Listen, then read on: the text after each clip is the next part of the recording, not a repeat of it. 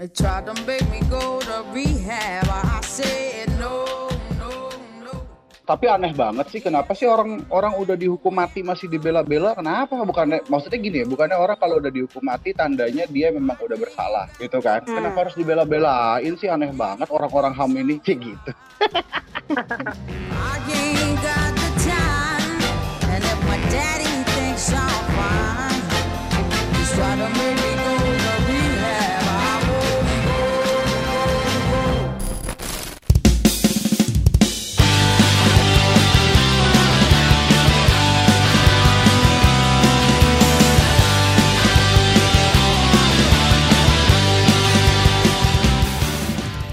Jadi bagi gua secara personal gua nolak hukuman mati adalah gua nggak rela uang pajak kita digunakan untuk ngebeli peluru kemudian dipakai sama algojo ataupun para penembak mati itu secara tidak langsung kita semua orang Indonesia itu tangannya berdarah karena secara tidak langsung kita berkontribusi atas pembunuhan.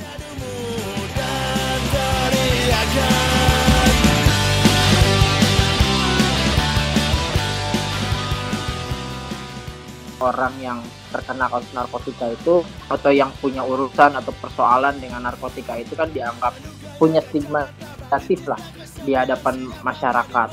Nah eh, ini ini titik muasalnya sehingga ketika misalnya ada hukuman mati itu merasa hukuman yang pantas, hukuman yang eh, seimbang gitu. Perlu digarisbawahi bahwa orang-orang yang eh, apa yang terlibat dalam uh, tindak pidana yang diancam hukuman mati itu apalagi dalam kasus narkotika itu banyak behindnya latar belakangnya. Nah latar belakangnya ini yang yang dalam peraturan perundang-undangan misalnya dalam kasus narkotika itu tidak tidak dipertimbangkan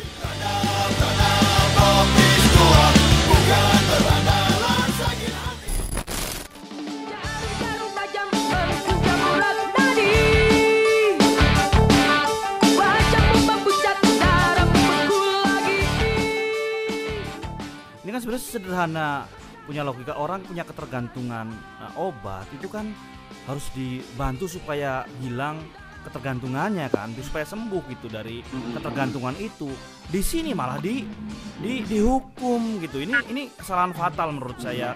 Bagaimana tidak bisa membedakan antara orang sakit treatmentnya ya di diobati bukan di penjara. Ini kan Obatin. Iya Betul, dong, disupport, disupport supaya dia uh, uh, terangkat nggak nggak nggak nggak kecan- apa nggak ketergantungan lagi di sini orang ke ketergantungan malah di di di apa namanya di ya lu tahu sendiri lah digoreng dan sebagainya. Ini ini yang yang parah sih menurut gua soal soal itu ya. Bung Jess paham banget itu soal itu Cie.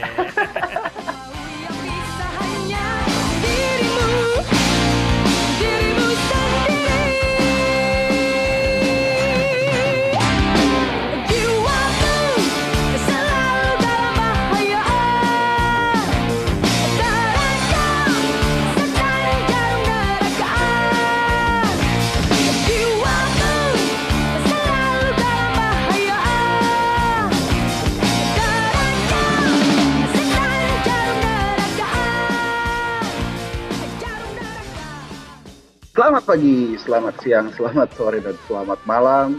Kapan pun kalian ngedengerin podcast ini, kembali lagi bersama Hamburger Podcast by HRWG. Mantap ya. Nah, kita nongkrong nih hari ini kayak orang-orang sibuk. Dari pagi udah pada sibuk, jam-jam segini masih nyempetin buat ngobrol. Tapi emang kerennya gitu sih. Kita-kita ini tuh kerennya gitu. Yang namanya orang nong eh, eh nggak apa-apa, nggak ada yang muji soalnya. Jadi sibuknya di rumah masing-masing Iya, jadi selamat datang di Hamburger Podcast. Sebetulnya nggak nggak di Hamburger Podcast, cuman di rumah masing-masing. Bener. Udah, hari ini kita nongkrong sama biasa ya. Ada ada gua Jesse, ada Mas Awi. Nah, ada Ivan Hey. nih. Ivan nih baru kali ini nongkrong Hai. sama kita nih. Memang dia selama ini sombong nih. Kita udah kenalnya udah lama, nongkrongnya baru sekarang loh. Ya nih lo maaf kenal- dong. Coba lo kenalan dulu dah. Kenalan Oke, dulu. jadi nama gue Iva, gue sekarang lagi sibuk kuliah, makanya jadi baru bisa ikutnya sekarang. Terus Di sini gue pingin mencari tahu banyak hal nih tentang topik yang bakal kita bahas hari ini. Yeay. Lo lo kuliah kuliah baru atau gimana Pak? Waduh, udah udah akhir-akhir nih, udah ngurusin Oh, skripsi. SPIP gitu. iya. Gak apa-apa, gue dua tahun dulu skripsi. Slow, slow, slow. Oke belum, deh. belum dua tahun kan? Belum, Bang. Jangan Ya, sampai sih sebenarnya iya, iya, iya. cepetan lulus.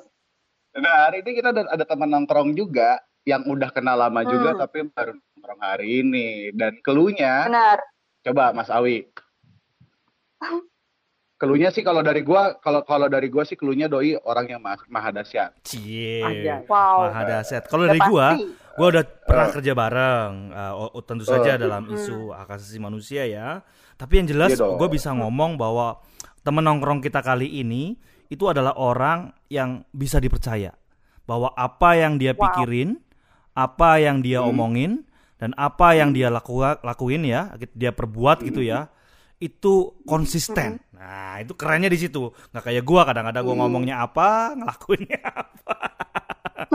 siapa? Siapa ini? Namanya nongkrong kita? manusia, Mas. Nggak Siapa, apa-apa. siapa namanya? Jadi teman nongkrong kita teman nongkrong kita kali ini adalah Bang Muhammad Afif yaitu Direktur dari Lembaga Bantuan Hukum Masyarakat. Cie, Yeay. Bang Afif, apa kabar Bang. Bang? LBH Masyarakat. LBHM. Betul. Apa kabar nih, Bro Halo Afif? Bang Afif. Ye, halo semuanya. Gimana? Agak-agak agak deketin dong mic-nya biar agak kencengan suaranya. Iya, biar Iya. kita ngobrol enak. Eh, eh, kurang deket nih. Gimana kabarnya? Gimana? Nah, cakep-cakep. Gitu, Baik. cakep. Baik, Ini Bang. aku rasa nih Iva gara-gara eh, kemarin katanya dengar ada hari anti penghapus- penghapusan hukuman mati atau eh, apa namanya penolakan terhadap Hari hukuman anti hukuman mati sedunia. Hari anti hukuman mati. sedunia. Iya. Tanggal berapa, Fa? itu. Tanggal 10 Oktober nih kemarin Iya. baru lima hari yang lalu Makanya Seru kita banget. kita sibuk-sibuk nyari temen nongkrong yang bisa ngejelasin nih. Benar. Apa sih? Hmm. Kenapa sih eh, tar dulu, repot-repot? tar dulu, tar dulu, Gimana tar gimana dulu. gimana gimana? Tar Bang? dulu. Kenapa kenapa kalau kita ngomongin soal anti hukuman mati, kenapa ngobrol sama Mas Afif? Nah, tuh. Nah, Kenapa? Loh, Gimana? gimana kenapa tuh? Bang kira-kira Bang? Gimana tuh? Nah, kan gua udah kasih clue. Gua kasih clue iya. bahwa Eh, eh. oh temen nongkrong kita kali ini tuh konsisten pikirannya, Eh. perkataannya maupun perbuatannya itu satu, inline gitu ya. Pikirannya dia menolak hukuman mati, obrolannya menolak hukuman mati, tindakannya juga membela orang-orang melawan hukuman mati. Nah, itulah Muhammad Taufik kenapa kita hadirkan di sini atau kita Oh. nongkrong bareng karena dia konsisten Oh. menolak hukuman mati. Nah, Tapi mungkin- nah, Ih, tapi aneh, tapi aneh banget sih. Kenapa sih orang orang udah dihukum mati masih dibela-bela? Kenapa? Bukannya, maksudnya gini ya, bukannya orang kalau udah dihukum mati tandanya dia memang udah bersalah, gitu kan? Hmm. Kenapa harus dibela-belain sih? Aneh banget orang-orang ham ini, Cih, gitu. tanya dong sama temen nongkrong kita masa ke Eh. masa gu- gua ya nggak nggak asik dong. Ke Iya. Bang Afif dong. Apa namanya orang Halo, yang inline sih itu kan. Hmm. Ngo- Ngopi dulu lah biar Ci- cerdas. Iya, oke, oke. Waduh, bener pas banget dah tongkrongan dah. Eh, gimana bang? Bang Afif. Nah, jadi Kurang deket dong. Apa ngobrolnya kencengin dikit bang? oke. Ini eh, deketin ya speakernya nih. Yoi, yoi. Eh, apa paling sederhananya sih gini kalau kita eh, pakai alasan kenapa membela orang-orang yang terancam hukuman mati Hmm.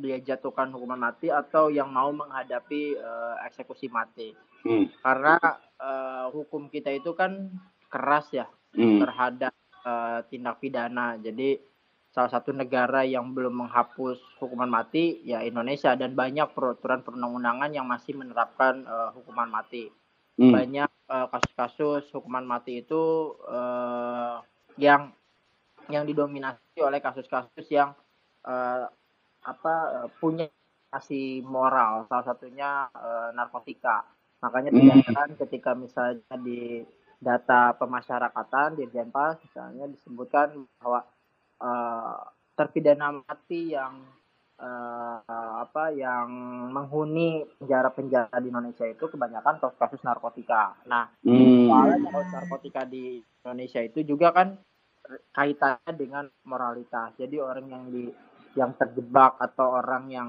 eh, terkena kasus narkotika itu atau yang punya urusan atau persoalan dengan narkotika itu kan dianggap punya stigma negatif lah di hadapan masyarakat.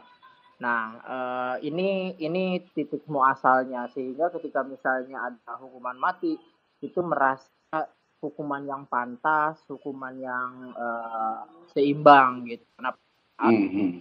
perlu Hmm. digarisbawahi bahwa orang-orang yang eh, apa yang terlibat dalam eh, tindak pidana yang diancam hukuman mati itu apalagi dalam kasus narkotika itu banyak eh, behind-nya latar belakangnya. Nah, latar belakangnya ini yang yang dalam peraturan perundang-undangan misalnya dalam kasus narkotika itu tidak tidak dipertimbangkan. Salah satu kasus yang kita tanganin eh yang kasusnya masih running gitu sekarang misalnya kasus Mary Utami lah.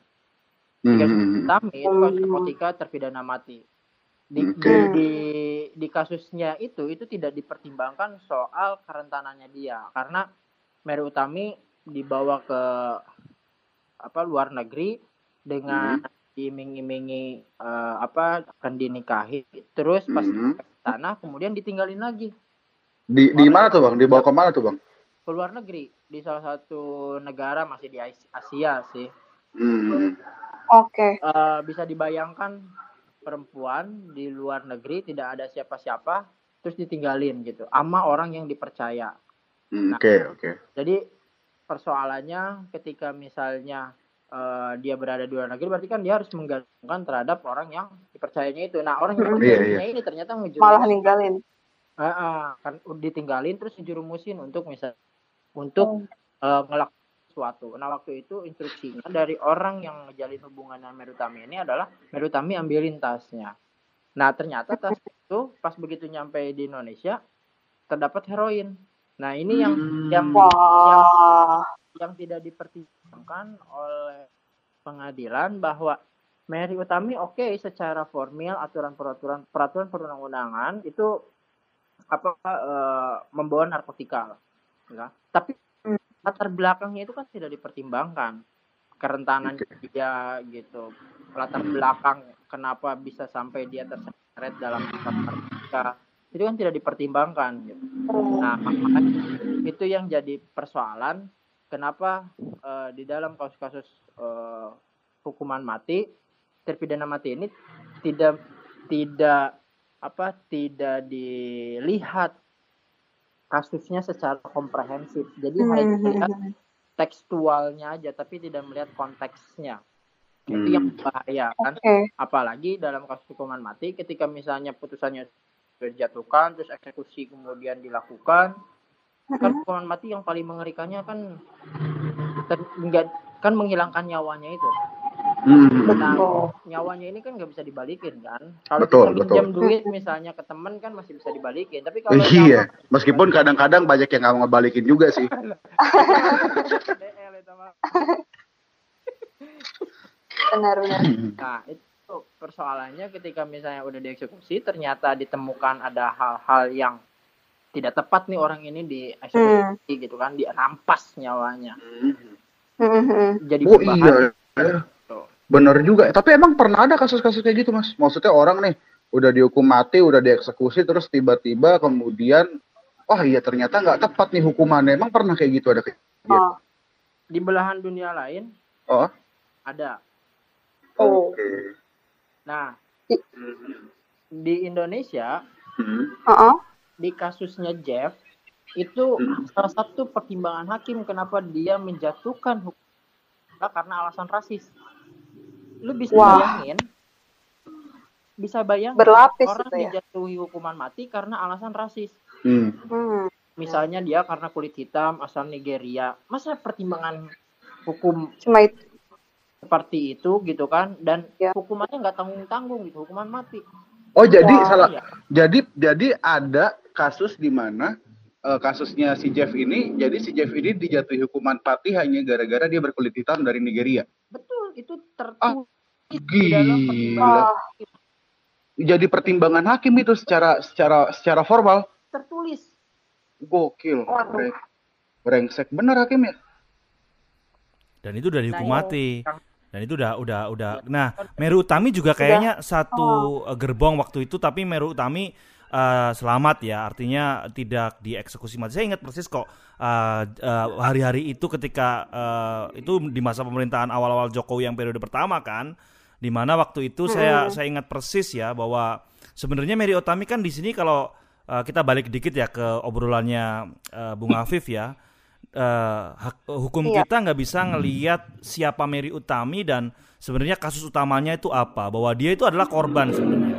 Tapi di sini eh, karena memang secara eh, barang bukti eh, kedapatan ngebawa narkotika tapi sebenarnya eh, sebab dia ngebawanya itu nggak bisa di eh, diungkap. Gitu kurang lebih kan gitu. Jadi memang dia sebenarnya korban tapi malah jadi eh, pelaku yang eh, hukumannya adalah eh, penaltinya ya hukuman mati kan di situ. Nah nah kemudian kasus Jeff gimana nih? Dikorbanin dua kalau kali ya. kasus Jeff kan juga narkotika juga kan Bang Afif gimana ceritanya tuh? Betul, betul, betul. Jeff juga itu eh, kasus narkotika tahun 2004. Hmm. Nah, yang lucunya lagi di kasus Jeff selain yang rasis itu, dia punya restoran di daerah Tanah Abang di Jakarta Pusat. Hmm. Digeledah sama polisi. Oh. Oh. Nah, pas digeledah Jeff itu udah pergi nganterin makanan. Mm-mm. Nah, pas digeledah karena Jeff nggak ada, terus ditelepon sama polisi. Hmm. Nah, ya ini bilang ini restoran akan digeledah, kamu bisa balik nggak? Jeff karena tidak bersalah, jadi dia gentle datang ke tempat Restorannya. tuh. Dia tunjukin nih, ini kamar si A, ini tempat eh, apa masak gitu kan. Hmm. Nah, kalau misalnya dia bersalah, kan harus. Iya dong. lain gitu kan nyamperin polisi kalau ternyata nanti ujungnya akan diproses hukum tapi dia Hmm. tapi dia itikat baik gitu ngehadapin tuh apa yang di apa diinginkan oleh polisi untuk datang. Tapi ternyata perlakuan polisi kan malah memproses hukum dia.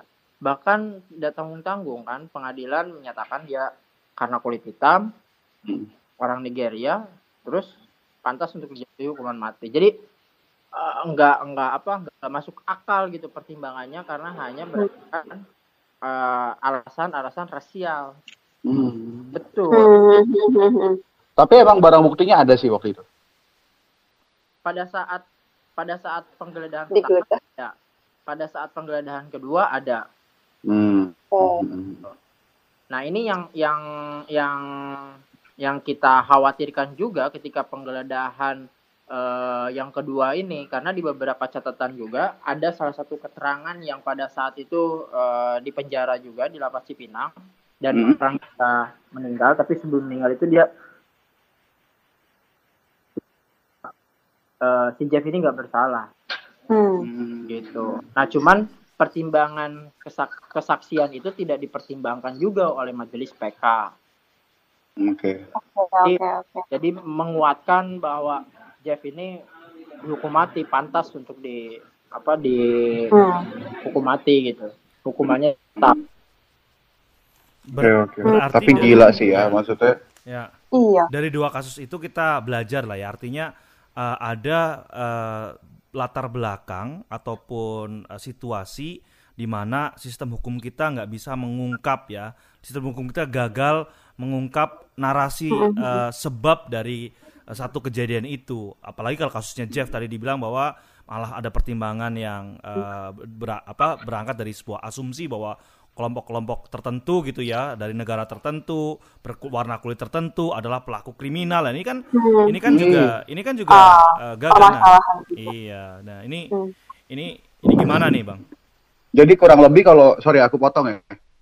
Jadi kurang lebih kalau gua ngelihatnya gini, sistem hukumnya masih sangat jauh dari sempurna, ya kan? Mm-mm. Sistem hukumnya masih sangat menyimpan ruang kesalahan, Betul. tapi hu- hukuman yang dijatuhkan adalah hukuman yang sudah tidak bisa diubah sama sekali.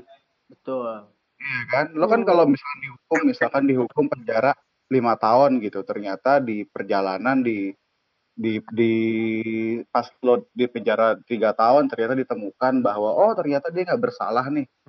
Akhirnya kan dia bisa dikeluarin dan mungkin bisa ada mekanisme penggantian pengganti rugian meskipun itu nggak akan menggantikan dua tahun yang sudah terampas gitu. Tapi kan kalau hukuman mati udah nggak nggak bisa sama sekali. Iya. Tuh. Gila ya. Apalagi Mas. kasus korupsi dan di dalam peradilan kan eh, cukup kenceng ya. Hmm. Gimana Bang Afif? Eh, ada ini nggak? Eh, Iva- dulu, Iva dulu, Pak. Oke oke. Oh iya, sebenarnya aku penasaran sih karena em, kembali lagi nih ke apa narasi untuk un- eh, narasi anti hukuman mati. Nah mungkin kalau yang aku tangkap Hmm. dari tadi pembicaranya adalah eh, narasi ini tuh karena takut em, sasaran dari hukuman mati ini salah kayak gitu kan. Tapi gimana untuk yang memang pantas mendapatkan hukuman mati itu? Jadi kayak apakah efektif kalau misalkan hukuman mati itu dihapuskan? Eh, walaupun dengan misalkan ada perubahan em, hukum yang lebih ketat seperti itu kayak apakah perlu benar-benar dihapus atau gimana mas? Iya, jadi Nah, benar tuh Mas. Jadi jadi gini Mas, sorry Mas. Kalau di di di orang-orang ini banyak yang bilang begini.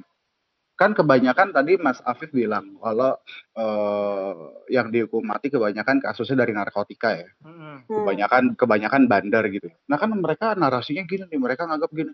Ya lo jualan narkoba, lo udah ngebunuh berapa banyak orang gitu kan. Lo jualan narkoba, lo udah ngebunuh generasi katanya gitu. Ya pantas ya pantas aja lah orang itu dibunuh, orang dia udah ngebunuh satu generasi misalkan. Atau kalau misalkan ada juga teroris gitu kan juga juga termasuk yang eh, ke- ada kena ancaman hukuman mati ya. Teroris ya. Kasus-kasus terorisme. Nah, itu kan mereka juga bilang, "Yo, dia udah dia udah ngebunuh, dia udah ngebom, Oh, oh, oh. dia udah ngebom yang mati ada sekian ratus gitu kan." Ya wajar aja lah dia dihukum mati. Nah, Itu gimana tuh? Nah, itu apakah jadi solusi? Bukan. Hukuman matinya. Hmm. Jadi Hmm. bukan jadi solusi. Karena Mm-mm. misalnya dalam kasus hukuman mati ternyata yang paling penting adalah eh, soal bagaimana proses diskusi, proses eh, apa program BNPT itu yang eh, kontra terorisme itu. Hmm. Nah. Hal yang kayak gitu kan itu harusnya bisa dipakai tuh, bukan malah menjadi trigger.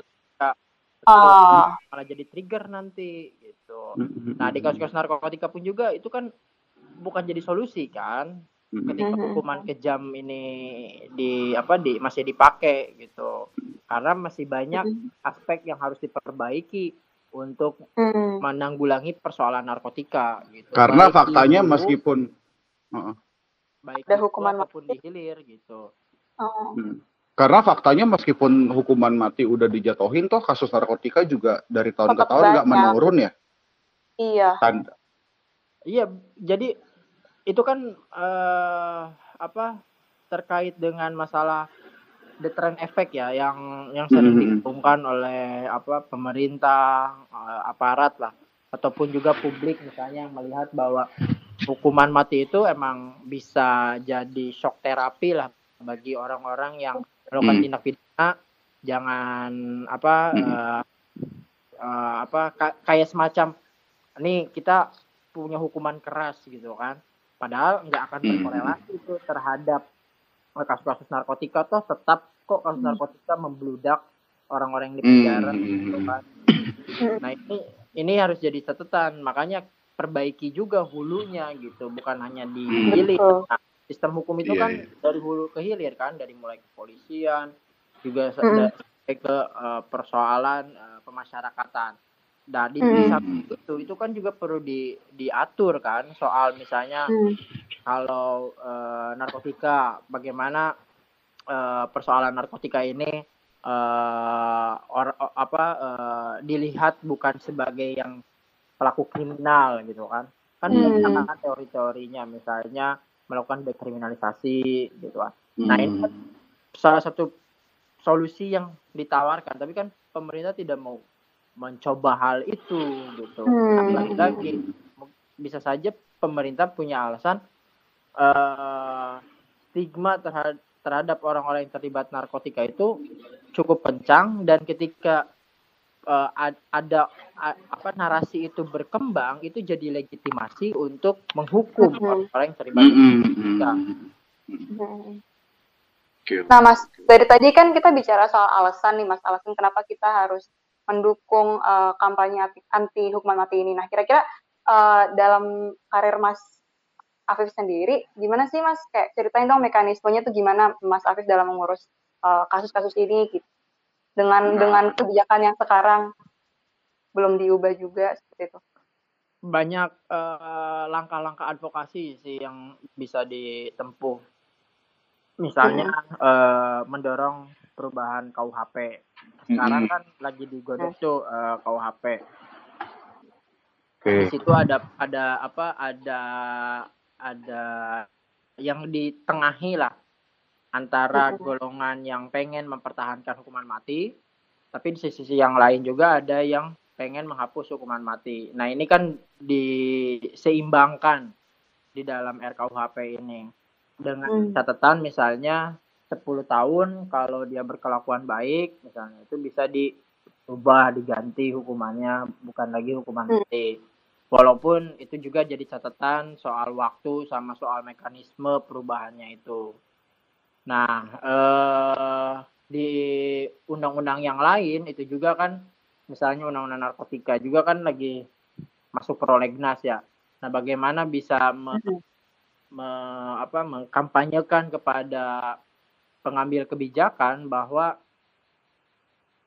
perso penerapan hukuman mati dalam kasus nar- narkotika itu juga bukan merupakan eh, solusi gitu. Terus di peraturan perundang-undangan yang lain juga mungkin banyak terorisme dan korupsi gitu.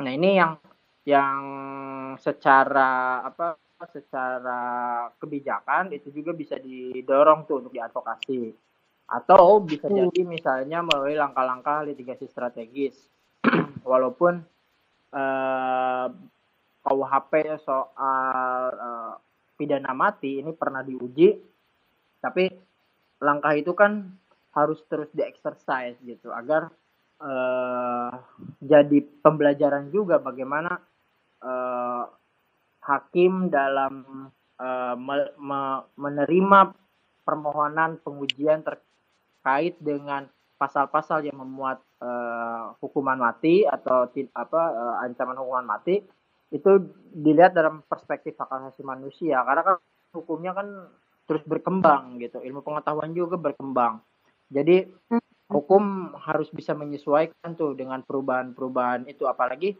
di negara-negara eh, lain itu sudah mulai tuh dirubah aturan-aturan hukum yang eh, tadinya menerapkan hukuman mati jadi nggak pakai lagi tuh hukuman mati. Hmm. Nah itu harus dilihat tuh sebagai tren juga gitu.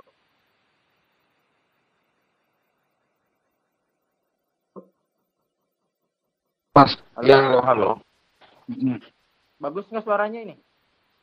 Bagus bagus bagus banget suaranya. Penjelasannya juga bagus banget. hmm. Kalau gitu sekarang gini mas. Em, kalau Itu kopinya diminum dulu apa? iya dia lagi sambil ngunyah soalnya. Jadi serius gini. Gini gini gini ini ya. Iya. Aku aku mau nim- nimbrung nih. Gua sama Bang Afif dulu nih ya. Hmm.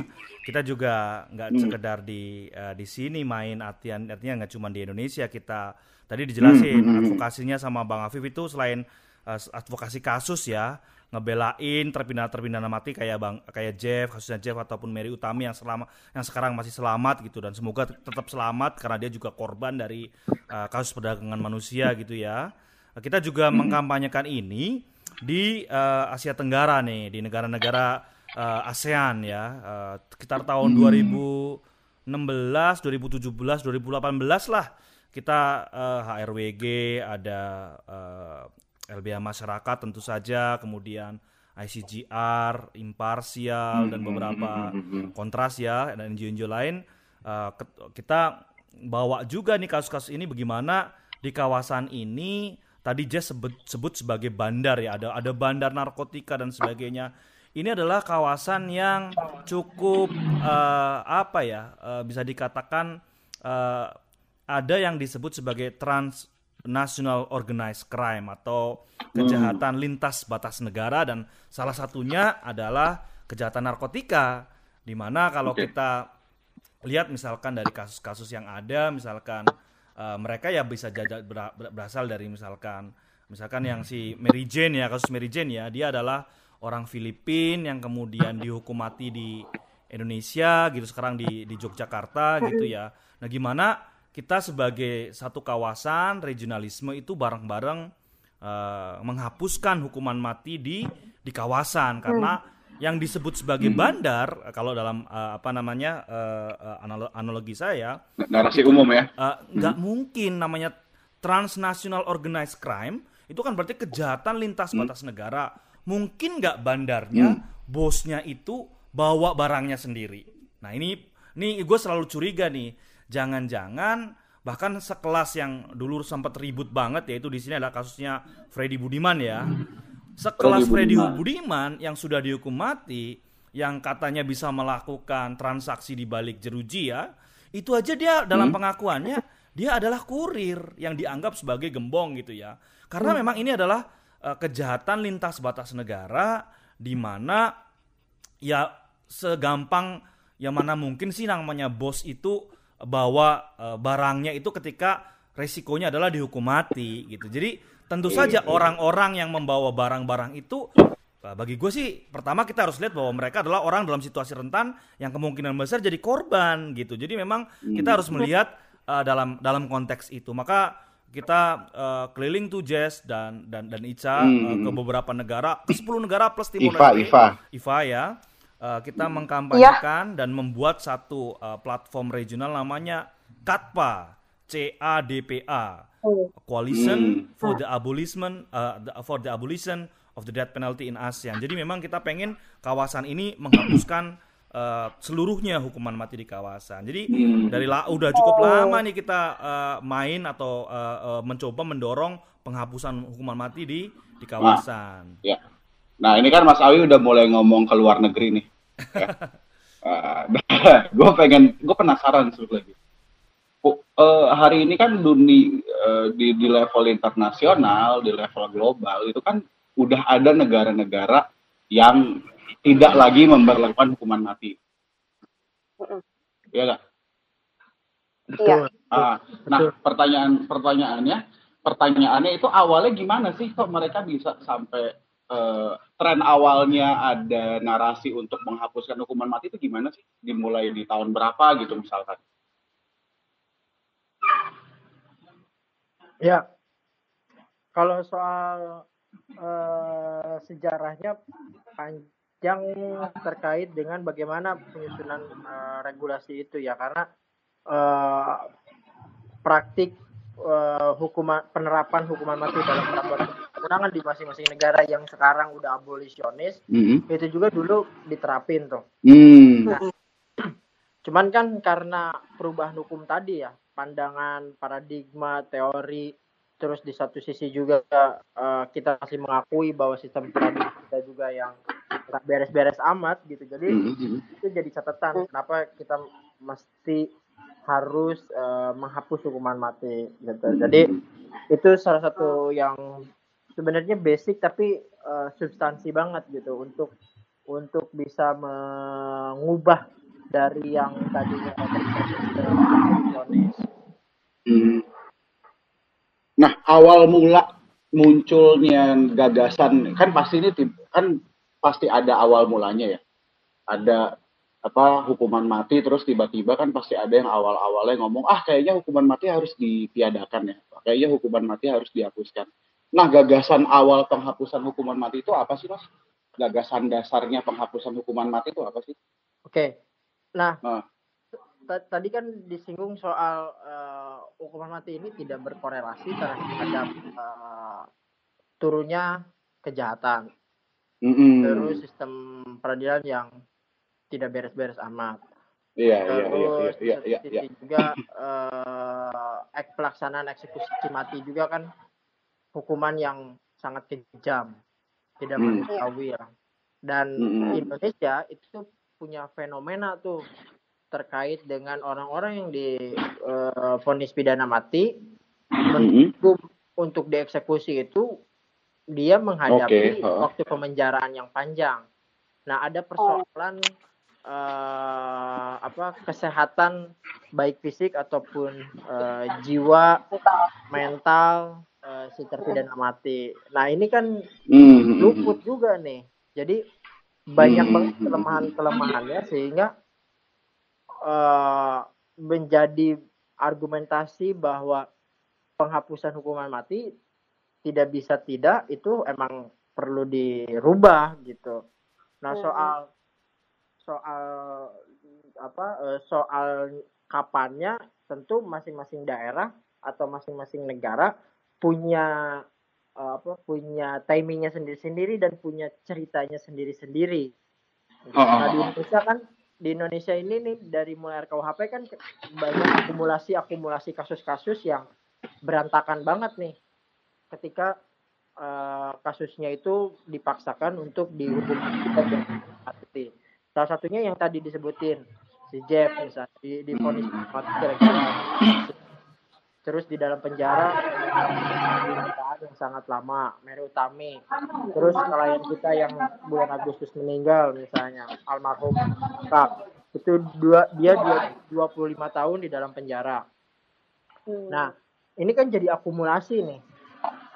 Si pengambil kebijakan melihat ini bahwa ini jadi persoalan dalam konteks Indonesia dari persoalan-persoalan kasus itu itu yang yang jadi jadi salah satu pemicu bahwa regulasi di Indonesia emang harus dirubah gitu. Hmm. Kalau pakai apa cerita dari aspek keagamaan bisa juga. Cuman ntar disangka tahu so- sotoy agama. Gak apa-apa coba Mas gimana? Deh. Kalau- Bang Awi lah itu yang, Ah. yang bisa menceritakan tuh pendekatan agama gimana tuh. ini ini kan jenis pidana yang paling kontroversial ya di dunia ya di mana memang uh, hukuman mati di awal. Kita tahu lah praktek-prakteknya ada yang disetrum ada yang ditembak. Kita me- metodenya yang kita pakai di Indonesia adalah firing squad ya atau ditembak ya ada yang digantung gitu kan. Itu kan keji kita mau ngomongin sesuatu yang salah tapi dengan cara yang salah. Jadi gimana kita mau menegakkan kebenaran dengan cara yang salah? Ini satu apa namanya? Kontradiksi interminis ya satu hal yang nggak konsisten gitu ya. Lu mau mengatakan bahwa eh, si Afif salah tapi dengan cara menghukum mati si Afif. Ini ap- kebenaran apa yang mau gue tawarkan dengan menghukum mati si Afif yang kamu katakan salah? Kamunya sendiri juga keliru secara proses dengan menghukum mati jadi memang awalnya itu digagasan diga- digagasan peran negara itu sebenarnya apa? Apakah negara punya hak untuk mengambil nyawa Nyawa. setiap Oke. orang yang ada dalam jurisdiksinya itu? Atau justru sebaliknya negara justru punya uh, atau di, di dimandatkan untuk melindungi. Nah, dalam konteks hukuman mati, tugas negara itu tidak mengambil hak hidup orang, tapi sebaliknya justru harus melindungi dan memenuhi dan menghargai hak hidup seseorang. Ini ini ini yang utama dan hak hidup itu benar-benar uh, menjadi ya kalau nggak hidup nggak mungkin ada podcast ini Jess. Nggak ada obrolan-obrolan ngopi-ngopi kayak ini lu udah mampus. Ini kumpulan zombie nih nah makanya jangan-jangan kalau kita lagi ngomong kayak gini nih bener malam Jumat nih ini ini apa namanya Waduh. podcast podcast yang uh, horor-horor gitu kan. Nah nah itu awalnya. Jadi memang jadi memang maka di kampanye yang tadi gua sampaikan bareng sama Bang Afif di di apa namanya di di kawasan gitu ya kita ngambil message-nya gini. Kita pengen mengakhiri kejahatannya tapi bukan eh, kehidupannya. Kita sebut eh, end crime not life ya Bang Afif ya dulu ya. Eh, end crime jadi akhiri kejahatannya tapi bukan mengambil nyawanya. Karena memang bener banget yang eh, diceritakan Bang Afif bahwa ada banyak cerita-cerita di balik eh, eksekusi gitu ya. Ada cerita-cerita yaitu ketidakmampuan barangkali aparat penegak hukum mengungkap cerita di balik itu. Atau cenderung apa namanya menumpukan setiap kesalahan karena ketidakmampuan penegak hukum dalam menunjukkan di mana letak eh, persoalannya sehingga eh, kita apa rame-rame merayakan gitu ya. Penghukuman mati. Bayangin kalau akan ada kasus hukuman mati itu kan eh, media itu merayakan loh di TV itu diarak itu dari misalnya penjara eh, kerobokan di Bali ataupun penjara di di di Jogja ya Eh, apa namanya di di mana Jogja mana namanya benar penjaranya apa Eh, Wirogunan. Wirogunan gitu. Mereka iring-iringan kemudian masuk ke Nusa Kambangan. Wah, semua orang kemudian kayak ngikutin drama. Kita semua merayakan apa namanya eh, kayak semacam good cop bad cop gitu ya. Akhirnya ada kita ngerasa apa bukan gue gue tapi ngerasa bahwa aduh orang itu tuh bener-bener keji gitu gitu. Kemudian negara kayak berlaku sebagai Hmm. hakim yang adil. Bener nggak sih negara jadi hakim yang adil dengan mengambil mengam- mer- kita merayakan gitu. Kita merayakan orang di kalau gue sih nggak rela ya karena peluru yang ditembakin ke si terpidana mati itu dibeli atau di pa- apa diambil dari uang pajak kita. Jadi bagi gue secara personal gue nolak hukuman mati adalah gue nggak rela eh, apa namanya uang pajak kita digunakan untuk ngebeli peluru kemudian dipakai sama algojo ataupun para penembak mati itu untuk menghukum mati. Sehingga secara tidak langsung kita semua orang Indonesia itu tangannya berdarah Ampun. kalau kita nggak menghapuskan hukuman mati. Karena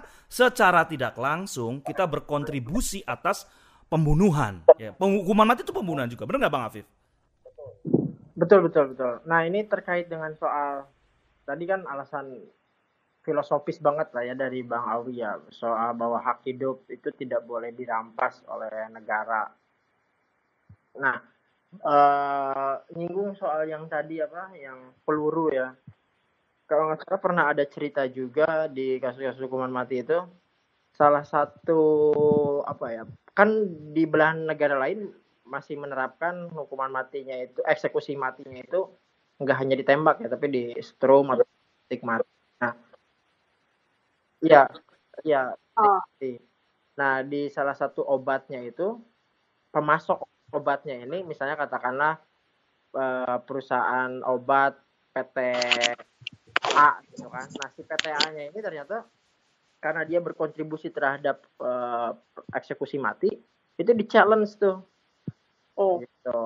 Nah, misalnya kalau di kita misalnya pembuat pelurunya ternyata PTA, nah itu bisa kar- bisa di challenge tuh karena misalnya eh, dipakai buat eh, eksekusi mati. Nah, ini kan eh, dari mulai hal yang kecil seperti itu tapi eh, kita berkontribusi untuk bisa me- menghambat tidak-tidaknya Hmm. kondisi saat ini eh, dalam eh, apa eh, paradi apa eh, konsep tentang bahwa itu salah gitu tindakan-tindakan kayak gitu. Hmm. Jadi Hmm. eh, karena karena kan banyak banget kan yang berkontribusi dalam praktik hukum hukuman mati dan eksekusi mati. Hmm. Nah dari dari beberapa aspek tadi itu emang perlu di challenge tuh bagian-bagiannya. Nah Oke. mungkin kita condong kepada hukumannya, tapi di aspek yang lain itu kita skip. Nah yang skip-skipnya ini ini untuk advokasi bisa saja sih. Kalau pakai contoh tadi itu obatnya atau pelurunya challenge gitu atau ada yang mempertanyakan soal anggarannya yang gede banget gimana soal transparansinya itu kan bi- bisa di apa bisa dijadikan sebagai bahan advokasi bahwa eh, kita nggak sepakat nih dengan praktik itu walaupun kita mengadvokasi hal yang kecil-kecil ini gitu. Karena untuk mengadvokasi yang besarnya dalam kondisi saat ini mungkin tantangannya berat dan banyak rumit rutenya juga tidak menentu. Jadi dicicil sedikit-sedikit untuk perbaikan. Nah dari dari langkah advokasi yang kecil-kecil itu kan kita kita cicil kemudian ke depannya kan harapannya perubahan hukumnya yang gedenya yang kita nanti bisa jadi musuh bersamanya gitu. Bareng-bareng tinggal mengalahkan itu tuh gitu. Walaupun sebenarnya dari hulunya juga bisa gitu. Tapi di situasi yang sekarang pembahasan RKUHP yang apa kembang kempis juga ya Hmm. bisa saja itu juga tetap ada yang mengawal itu gitu. Sembari yang uh, apa uh, yang men- berkontribusi terhadap uh, hukuman mati terhadap praktik uh, eksekusi mati itu di dipersoalkan gitu Hmm. Eh, contoh kasus deh misalnya soal eh, kita tahun 2015 pernah nanganin kasus Rodrigo Gularte terkait Hmm. dengan eh, apa bipo, dia yang mengidap bipolar disorder yang apa Hmm. yang eh, mengalami persoalan eh, kesehatan jiwa. Nah, eh, Indonesia kan masih kaku ya dan masih asing mungkin di saat itu ketika uh, kasus-kasus hukum yang uh, punya uh, latar belakang kesehatan uh, mental. Nah, di peraturan perundang-undangan yang sekarang itu kan me, me- apa mengeksklud orang-orang yang uh, punya kesehatan mental dari dalam pro- apa da- dalam proses hukum. Tapi ketika dieksekusi itu kan luput kan, Iya. luput untuk di di apa diperhatikan. Hmm. Nah, padahal dalam kasus hukuman mati misalnya orang yang mendapatkan vonis pidana mati dengan rentang waktu yang panjang itu potensi eh, mengalami penurunan eh, kesehatan mentalnya itu tinggi banget gitu.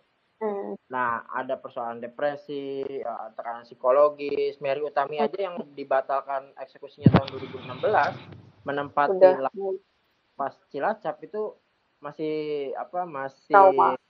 Trauma mendengar Hmm, hmm, suara apa pintu sel dibuka itu. Karena terngiang-ngiang dengan ketika dia mau dijemput untuk dibawa. Nah, dari situasi itu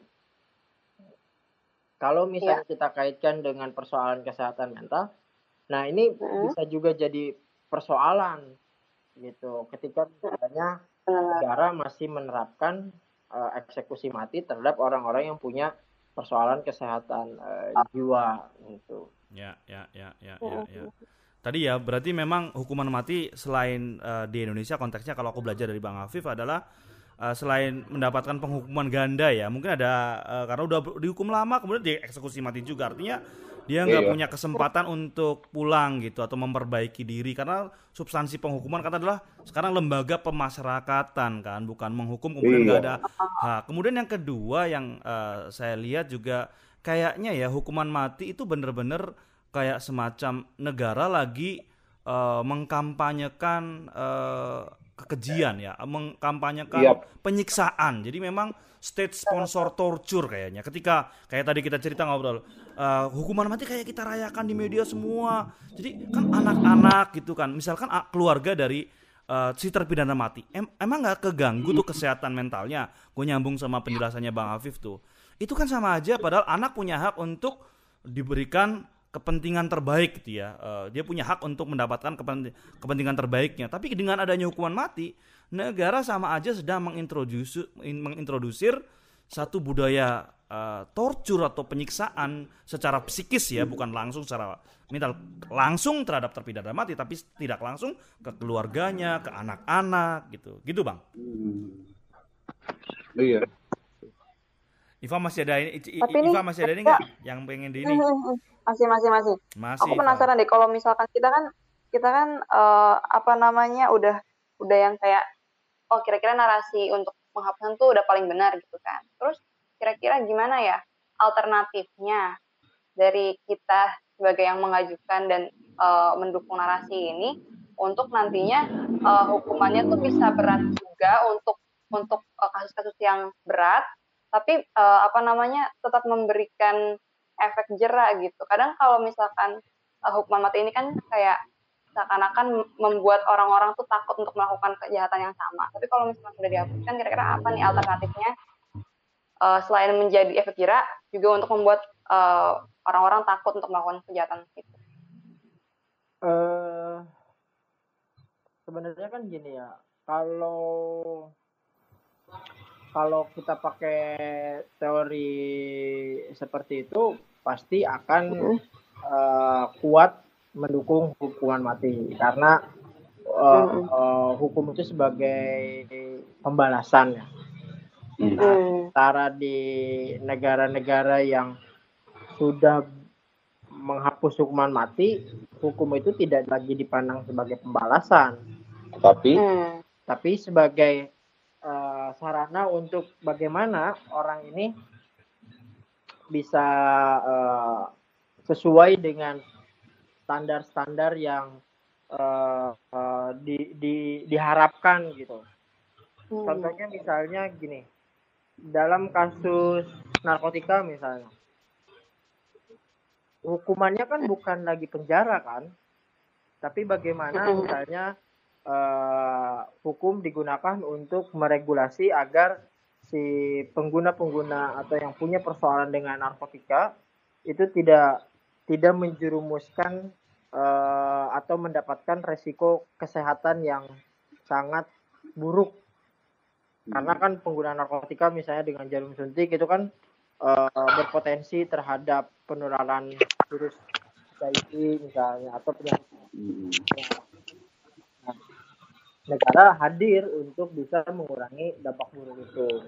Ah, Jadi hukuman Restoratif itu justice tidak- ya? Jadi hukuman itu tidak lagi dipandang sebagai jadi hukum itu tidak lagi dipandang sebagai ajang apa ajang Balas dendam. balas dendam. Oh. Hukuman itu tidak Hmm. dijadikan ajang oh, apa eh, apa eh, Perbaiki. legitimasi lah tindakan-tindakan yang eh, bisa di bisa seenaknya gitu me- me- me- menempatkan orang-orang yang terlibat dengan hukum itu diperlakukan semena-mena.